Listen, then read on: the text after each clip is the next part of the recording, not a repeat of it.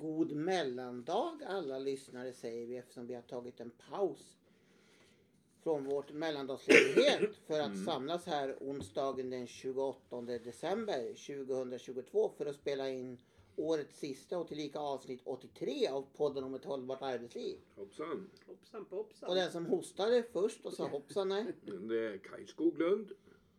Och Och den det som är en av sa- våra experter och den andra experten är. Barbro Skoglund sa, sa hoppsan poppsan. Och jag har inte hostat och jag heter Johan E. Skoglund och är poddens programledare. Och som vanligt kommer vi, eh, kommer vi från Age Management i Sverige AB. Och vi är lite lagom förkylda men vi ska försöka genomföra denna podden då. Med så lite hostning som möjligt. Möjligt. Men helt går det nog inte att undvika. Nej. Mm. Och minnesgoda lyssnare kommer ihåg vad vi sa i slutet på podd 82. Om ni inte gör det kan ni lyssna på det igen och för de andra upprepar jag det. Barbro hade läst en intressant SNS-rapport som hon ville diskutera. Och nu sitter både Kaj och Barbro med sammanfattningen av sagda SNS-rapport. Jag tror hon också till och med har en debattartikel som Barbro läste baserat på rapporten i Svenska Dagbladet. Som, Jag har också sett ett seminarium på eh, SVT någonting där rapporten presenterades och diskuterades. om Mm. språk. Mm. Så att ja, ordet är fritt. Vem vill börja? Ja, jag tänkte jag skulle be att få stå för det teoretiska idag. Får, Barbro tala om hur det är i verkligheten? Åtminstone hur det var. Då kan vi börja med vad heter rapporten för den som Ja. vill få tag i den. Det är eh, inte så fort. För det första ska vi väl säga kanske för säkerhets skull att SNS är ju förkortning för Studieförbundet för näringsliv och samhälle. Men det, man säger ju nästan aldrig något annat än SNS. De har beskrivit ett forskningsprojekt eh, i fyra år som heter Lärdomar om integration. Och det här är den sista rapporten i, den, eh, i det projektet. Så det har kommit tidigare rapporter. Det har det gjort ja. Och den här heter God svenska, vägen till arbete för utrikes födda? Frågetecken.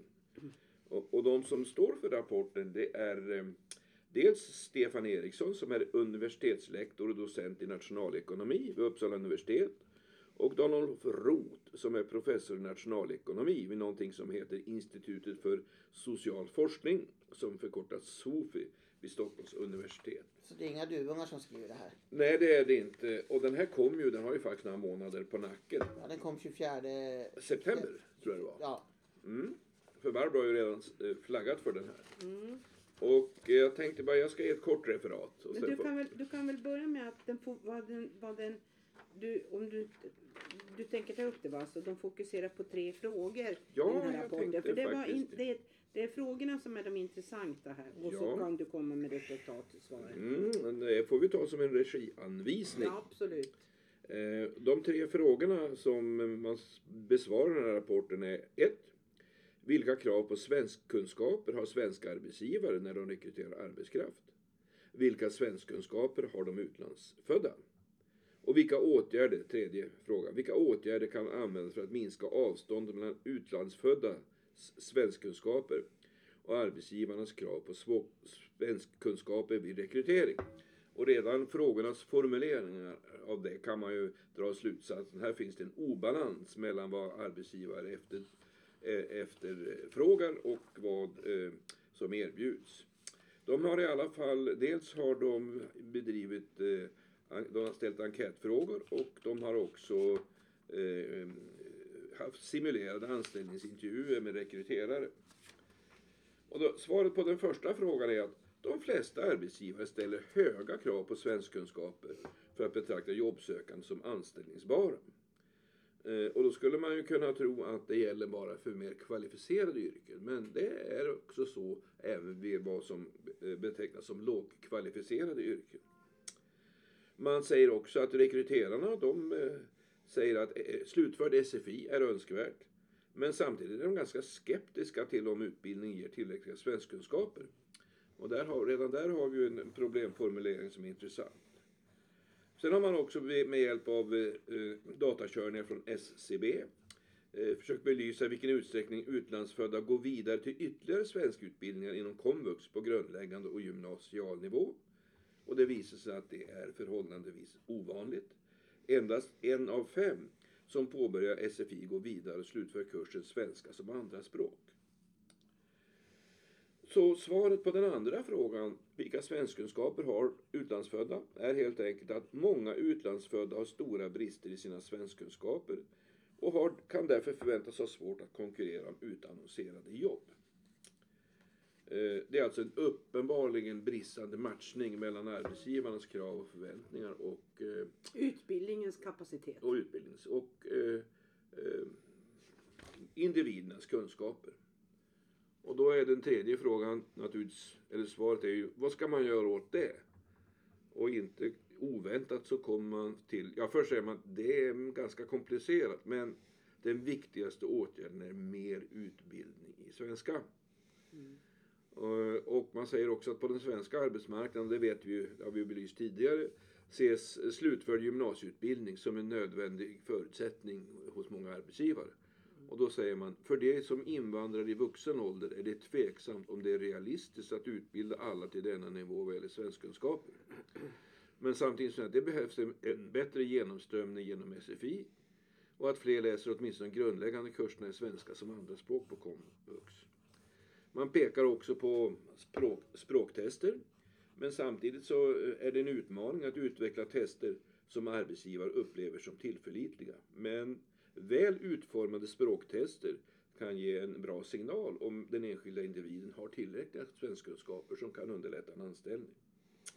Sammanfattningsvis, det finns inga enklare åtgärder som på kort tid kan vända denna situation och många föreslagna lösningar har visat sig svåra att genomföra i praktiken. Så långt Stefan Eriks och Dan-Olof Roth. Vad säger Barbro Skoglund med din erfarenhet, av- inte minst av SFI och vuxenutbildning om detta? Ja, det, det, det, alltså det, det, när, jag, när jag läste det här och, och, och så, att, så ja, landar man ju naturligtvis i, ja, det har inte hänt särskilt mycket. Eh, och nu går jag tillbaka då sent 80-tal, 1980-tal. Alltså 40 år sedan. här. Ja. Eh, och då öppnade eh, Boden för flyktingar. Boden, garnisonsstaden Boden. Som tidigare hade varit stängd. Det stod poliser och kollade att du hade rätt att vara här. Exakt. Och vi hade en mycket, mycket god vän som hade dubbla eh, medborgarskap. Va? Eh, hon kom från Danmark, eh, var kurator och från början, hon gifte sig här i Sverige och från början så var hon tvungen att, att infinna sig hos polisen i Boden en gång om året. Eh, så det här var, det var stora restriktioner. Så hände det någonting, jag kommer inte ihåg året i alla fall. Jag var, jag var då, det måste vara slutet på 1980-talet. Som man öppnade upp för, för eh, flyktingar, framförallt då för politiska flyktingar. Mm. Eh, som kom då från olika delar av världen. Eh, och då bet- betyder det ju då att inom Vux, där jag då var rektor, fast jag hette studierektor på den tiden, men det var som dagens rektor, eh, så skulle vi hantera de där frågorna. Det vill säga vi skulle då utbilda, vi skulle starta SFI-undervisning och vi skulle alltså utbilda då alla som kom.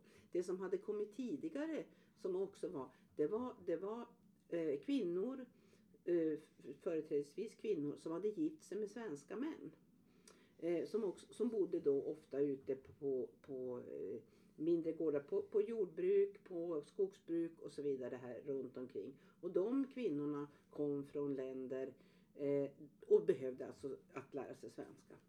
Och det här visade sig att det här var ju då en blandad skara av nytillträdda eh, Eh, eller nykomna bodensare.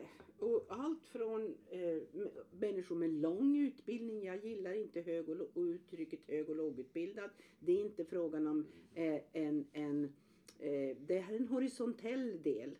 Det vill säga om du har kort eller lång teoretisk utbildning, inte hög eller låg. Eh, fortfarande så hör jag det på radio. Det irriterar mig mycket men jag, måste, jag stannar inte kvar där. Därför nämnde jag inte att de här två Jag författarna försöker- talar om du- du- lågutbildade det är individer. Precis, och det är så att det är kort, kort eller väldigt, väldigt ja, kort grundutbildning om det ens finns någon utbildning alls. Alls. Mm.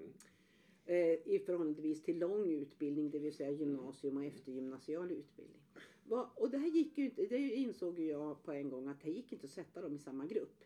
Så vi upphandlade kvalificerad SFI-utbildning.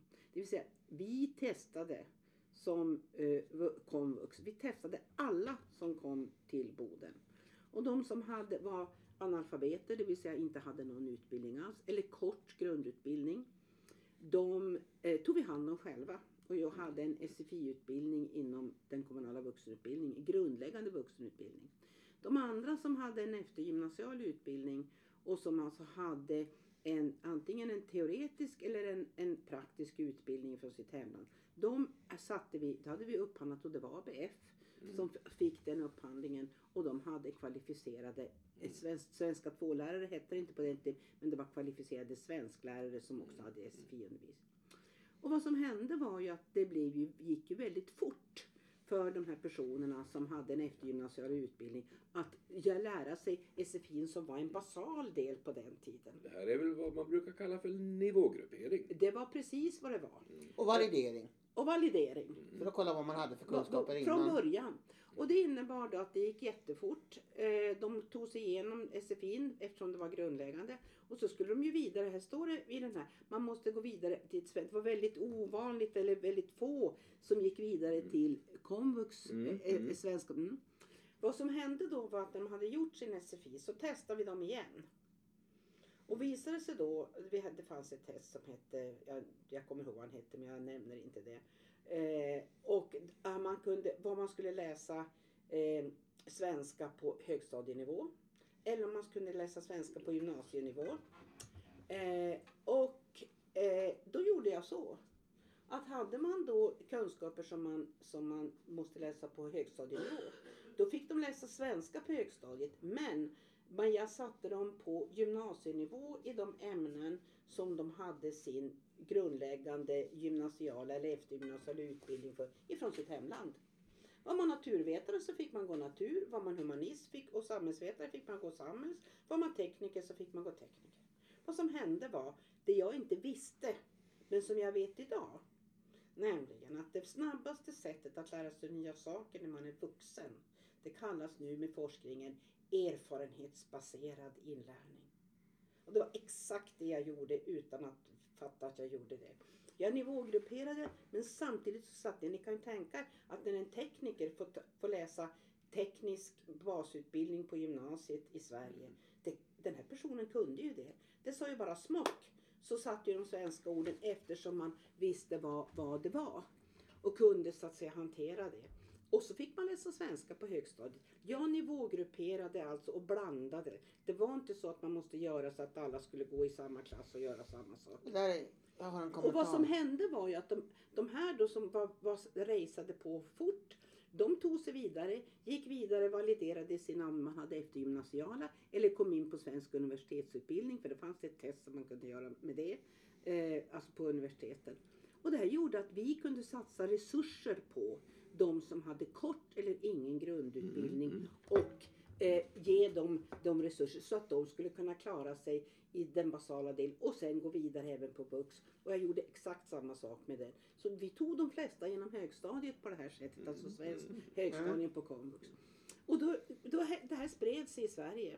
Man ringde från gamla, SÖ hette det på den tiden, Skolöverstyrelsen. By, eh, byrå V, vuxenutbildningsbyrån. Och så ringde de och sa, vi, vi ser att det, det går så snabbt. Eh, du, du får, ni får sådana resultat. Vad, vad, gör, vad gör du egentligen? Ja, och så berättade jag gjorde. Ja, men det där är ju nivågruppering, så det får man inte göra. Det får man visst det, sa jag. Det här handlar om att använda de verktyg man har. Och det är klart att det här var att validera och det är klart att det här var, jag fick ju kritik utav många som tyckte att jag var rasist eller det här var fel. Och då försökte jag förklara vad björntjänst betydde. Det vill säga att om man, om man gjorde på det här sättet så gick det fortare och du För kommer det att klara ställdes det tydliga bättre. krav. Du kommer Jag ställ- inte... Nej, jag, det var jag som bestämde. Jag var rektor. Mm. Och det, det var, men och, i nio fall av tio, eller faktiskt tio av tio, så kom de ju tillbaka sen och sa det här var bra därför att de upptäckte att det här gick fort och jag, ha, jag, jag så att säga kunde tillfredsställa mina behov. Eh, jag träffade en kille som ja, kom från via, eh, ja, han- ja, det var en lång väg i alla fall och han hade eh, och han, han var civilingenjör när han kom och han, jag tog, han gick snabbt igenom det här. Och sen träffade jag honom på ett flyg flera år sedan. Till. Då var han alltså eh, konsult på någon av de här stora konsultbolagen. VSP, Sweco och någonting sånt här va. Eh, och han kom ifrån ett spansktalande land och hade så att säga och hade gått via, via då Sovjetunionen som det hette på den tiden och kom då som politisk flykting. Så att, eh, eller portugisiskt var det nog man pratade, strunt samma. Och han, eh, fortfarande så bröt han lite grann men kingade på flyget och han hade varit nere och jobbat i Stockholm och bodde i Luleå då på den tiden. Eh, så att det är klart att det här, det, vi fick en helt annan Du snurr. brukar ju faktiskt berätta om en man som först sa att du var en djävul. Han och var sen- så upprörd Och därför sen att sa han att han, du var en ängel. ja, när han, när han glad i hågen seglade vidare till Umeå universitet för att han klarade svenskprovet. För han var så upprörd över att jag inte lät honom gå direkt på gymnasiet utan jag tvingade honom att läsa svenska på högstadiet för han hade inte tillräckligt bra kunskaper. Mm. Eh, så att, eh, jo. Mm. Eh, och det intressanta är nu när vi har läst igenom det så har jag faktiskt skrivit erfarenhetsbaserad inlärning. Mm. Eh, det vill säga att anpassa utbildning, utbildningen efter där den vuxna eh, studeranden är, står någonstans. Mm. Och inte, och inte klumpa ihop folk i samma grupp. Det är ju det här som är ett av de stora problemen. Ja. det här med hopklumpning tycker jag är intressant för jag har följt med spänning den debatt som har varit just om svenska kunskaper och när man vill språktesta personal. Mm. Och då läste jag om en kommun i södra Sverige där man hade bestämt för att man skulle göra språktest för, för inom äldreomsorgen. Och då hade personalen gjort uppror och sagt att det är diskriminerande. Och då hade socialchefen sagt att ja, det kan det tyvärr vara. Därför har jag bestämt att alla ska göra språktestet. Även jag kommer att göra det. Så att ingen ska känna sig diskriminerad. Så även om du är född i Sverige och har läst svenska och svenska som modersmål så måste du göra testet för att ingen ska känna sig diskriminerad. Mm. Och då var det svenskar eh, som födda i Sverige med svenska som modersmål som vart förbannade och sa varför ska vi tvingas göra testet för att vissa av våra invandrande kollegor känner sig diskriminerade? Det är väl dumt det också. Mm. Och då tyckte chefen att det var det enda rättvisa att alla skulle tvingas göra det från högsta chef till lägsta medarbetare för att då skulle ingen kunna känna sig diskriminerad. Sen, sen är det ju... Och då, och, då, och då har det också varit frågan då så här på kommunalarbetaren, alltså Kommunals tidnings, fackförbundet Kommunals tidnings hemsida har frågat kan man få sparken om man vägrar att göra ett språktest? Då har Kommunal sagt svaret är ja det kan du för du är bäst som arbetsvägrare. Men då vet inte jag om det gäller om du har svenska som modersmål. Om, om de säger att alla måste göra det för att, för att ingen ska känna sig diskriminerad. Kan då den som är född svensk och har svenska som modersmål säga att jag vägrar göra ett Men- svenskt men prov det- för att, det- bara för att andra inte ska känna sig diskriminerade? Det vet jag inte. Men Johan, det här handlar ju vad det här språktestet handlar om. Jo, Det, det borde vara så att det är till exempel medicinska termer.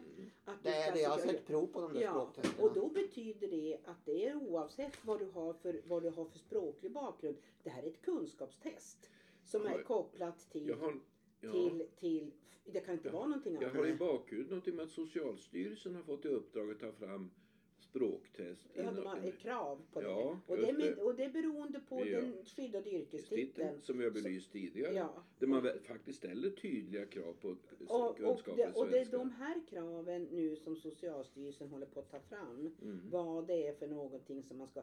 Det de säger är ju eh, eh, att man ska ha go, eh, minst E alltså Mm. i svenska 1 eller svenska 1 som andra, som andra språk. Mm. Och, och det betyder ändå att du måste... Eh, jag, jag skulle tippa att det även krävs då eh, inte bara betyg vi- vi får väl se vad de kommer fram till. Jag ska inte uttala mig förrän Nej. de är färdiga. De håller ju på med det nu och det måste vara färdigt eftersom det börjar gälla från och med första eh, nu ska jag säga juli 2023. Mm. För det jag läste på nätet när jag För kollade, de första när jag kollade på tidningen Kommunalarbetaren så var det alltså, du ska alltså läsa en lång resonerande text som kanske var fyra, fem stycken som lät ungefär som utdrag ur en novell eller roman. Ja men det är läsförståelse. Och sen det. efter det så skulle du då svara vad gäller den här situationen och så fick du fem alternativ. Till exempel brukaren vill inte gå på toa efter lunch, brukaren vill sova efter lunch, efter lunch vill brukaren bli aktiverad och så skulle du välja vad som Så. gällde. Och det var så det såg Ja ut. men det är läsförståelse. Men- men- Jo men det var en del av språktest. Jo, jo men Johan det är ju så här att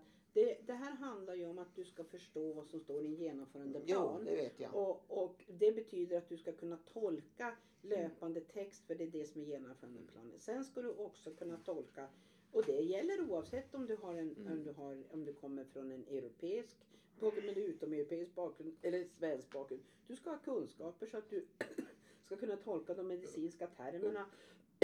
Självklart det fanns en medicinsk termordlista också på sånt som man behöver precis. kunna. Och får jag nu säga att eftersom Barbro, du och jag, vi har ju skrivit en bok för ett antal år Ja. sedan om diskrimineringslagen i, eh, I, i, i praktiken, ja. Och det är att du kan normalt sett inte ställa krav på perfekt svenska. Men du, du måste ställa krav på att den här personen kan utföra arbetet i den här branschen. Mm. Eh, och eh, är det så att du ställer orimligt höga krav på svenskkunskaper då kan du göra dig skyldig till det som kallas för indirekt diskriminering. Mm. Men om vi går, vid, och går vidare då, eftersom vi ändå har den svenska delen, så var det en artikel här i, i Norrmedia inte för, för några veckor sedan. Ett svetsföretag Mm. som hade sex eller sju eh, eh, olika. Eh, inte, alltså internationella Mm, mm. eh, språkområden på sitt företag. Och det visade sig att de lärde sig ju precis så här erfarenhetsbaserat. Mm. För alla var duktiga i sitt hantverk.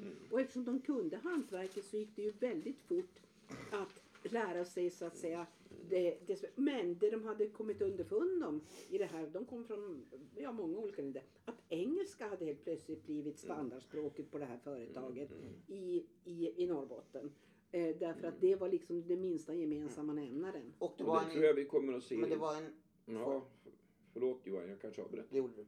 Ja, det var i så att Norrmedia har haft en satsning som heter Framtidslandet där de skriver om detta. Mm. Och i den satsningen så har de intervjuat en expert som påstod dock följande att engelska kommer att vara koncernspråk i alla företag framöver. Så att ha krav på att de anställda ska kunna svenska, det är obsolet. Då kommer man inte långt som företag. Utan företagen måste, alla, för, alla anställda måste kunna engelska och engelska ska man prata. Och den som kräver att de anställda ska kunna svenska, han kommer inte kunna anställa någon, hävdade den personen. Ja, menar men på det var väl kanske att Det driva lite långt. lite Men långt. Jo, Det jag bara man- säger vad men, vissa men säger. Johan, det handlar ju också om vilken bransch du är. Ja, ja, det är ju skillnad om du är teknikkonsulter på Men det internationell nivå. om du tar nu H2 Green i Boden som ska bygga upp ett stålverk Mm. med hjälp av am- amerikanska ingenjörer. Det är självklart att det språk som pratas där, det är engelska och ingenting Och annat. både skriftligt och, och, Ja. och eh, Mm. muntligt. Och det är klart med här, här systemet fly in fly out där det kommer så många människor från en rad olika länder. Och det är klart att det blir Och man engelska. kommer även att införa IB-skola i Boden med engelska Ja, och så de vill, de vill göra det, har de fattat beslut om det. Ja, de har gjort det, men de måste ju först få tillstånd från Skolverket Ja, att få göra så, det. då är det inte så, Japp. då är det inte färdigt. Men åter, Det- jag det- har en annan reflektion men det har inte med, inte med det här att göra som jag vill avsluta med. Nej, Men det är också så här att man måste ju ha stor respekt och förståelse i vilken bransch man är. absolut. Att eh, det koncernspråket har varit engelska i stora svenska företag, det är en självklarhet. Mm. På den tiden vi jobbade åt Vattenfall, Mm. och det är nu över tio år sedan, då var koncernspråket redan där engelska. Mm. Eh, vi, har, vi har alltså eh, vet Men- om, Men på de lokala enheterna pratar man ju svenska. Ja, Så men det var fortfarande Ja, så då. att man, att man sk- Mm, gjorde mm, man karriär i Vattenfall Mm, då som arbetsledare, Mm, in, mm, mm. i de, inte kanske på, jo det var det där också, därför att man skulle kunna kommunicera på Mm. engelska. Helt rätt. Och de det man heter inte ens arbetsledare, det heter teamleader och Nej, det manageleader hette, och nej, sånt. ja, Nej, det gjorde det faktiskt nej, det gjorde inte det. Men Men, team men, manager. ja, ja. Så att, eh, så, så är det. Mhm. Du hade en reflektion. Ja, men. Mm. ja, det har att göra med att vi i den här podden belyser vi ju rätt ofta eh, bristen på arbetskraft. Vi brukar ju tala om dagens bristyrke. Mm. Och då skulle jag vidga horisonten lite grann. Eh, jag läste en artikel för en vecka sedan i den engelska The Guardian som byggde på en eh, rapport från WHO Europa om de stora problem som sjukvårdssystemen har i länder Mm. som Frankrike, Tyskland med flera. Eh, och Storbritannien med, med allt svårare The Guardian är en engelsk tidning. Ja, jag sa just det, den engelska tidningen just The. Guardian. Mm. Med allt svårare att rekrytera läkare och sjuksköterskor. Stora pensionsavgångar, distriktsläkare slutar och det fyller inte på. Och idag var det faktiskt ett inslag på Sveriges Radio från Tyskland där man säger att många små sjukhus måste nog fusionera eller läggas ner. För de håller på att gå konkurs. Och ett av skälen är att man kan inte rekrytera personal. Man har tvingats vidta åtgärder som är väldigt kostsamma för att hålla verksamheten vid liv. Om det nu är eh, bemanningsföretag vet jag inte, men tydligen är det så att detta är ett problem. Så ser det ut. Och Samtidigt Det var- hörde jag en expert från Arbetsförmedlingen som sa i de senaste prognoserna att jo, det blir arbetslöshet i hela Sverige utom Norrland, för där går det som tåget på gröna omställningen. Ja, vi får väl se hur det Eh, går med Det det. intressanta är att när vi, då vill jag sy ihop det med det.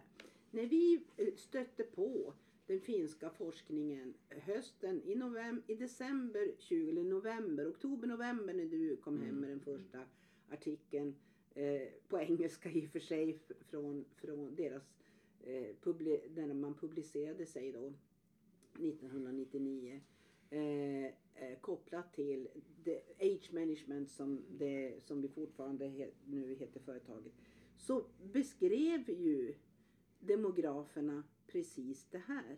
Att det här skulle ske.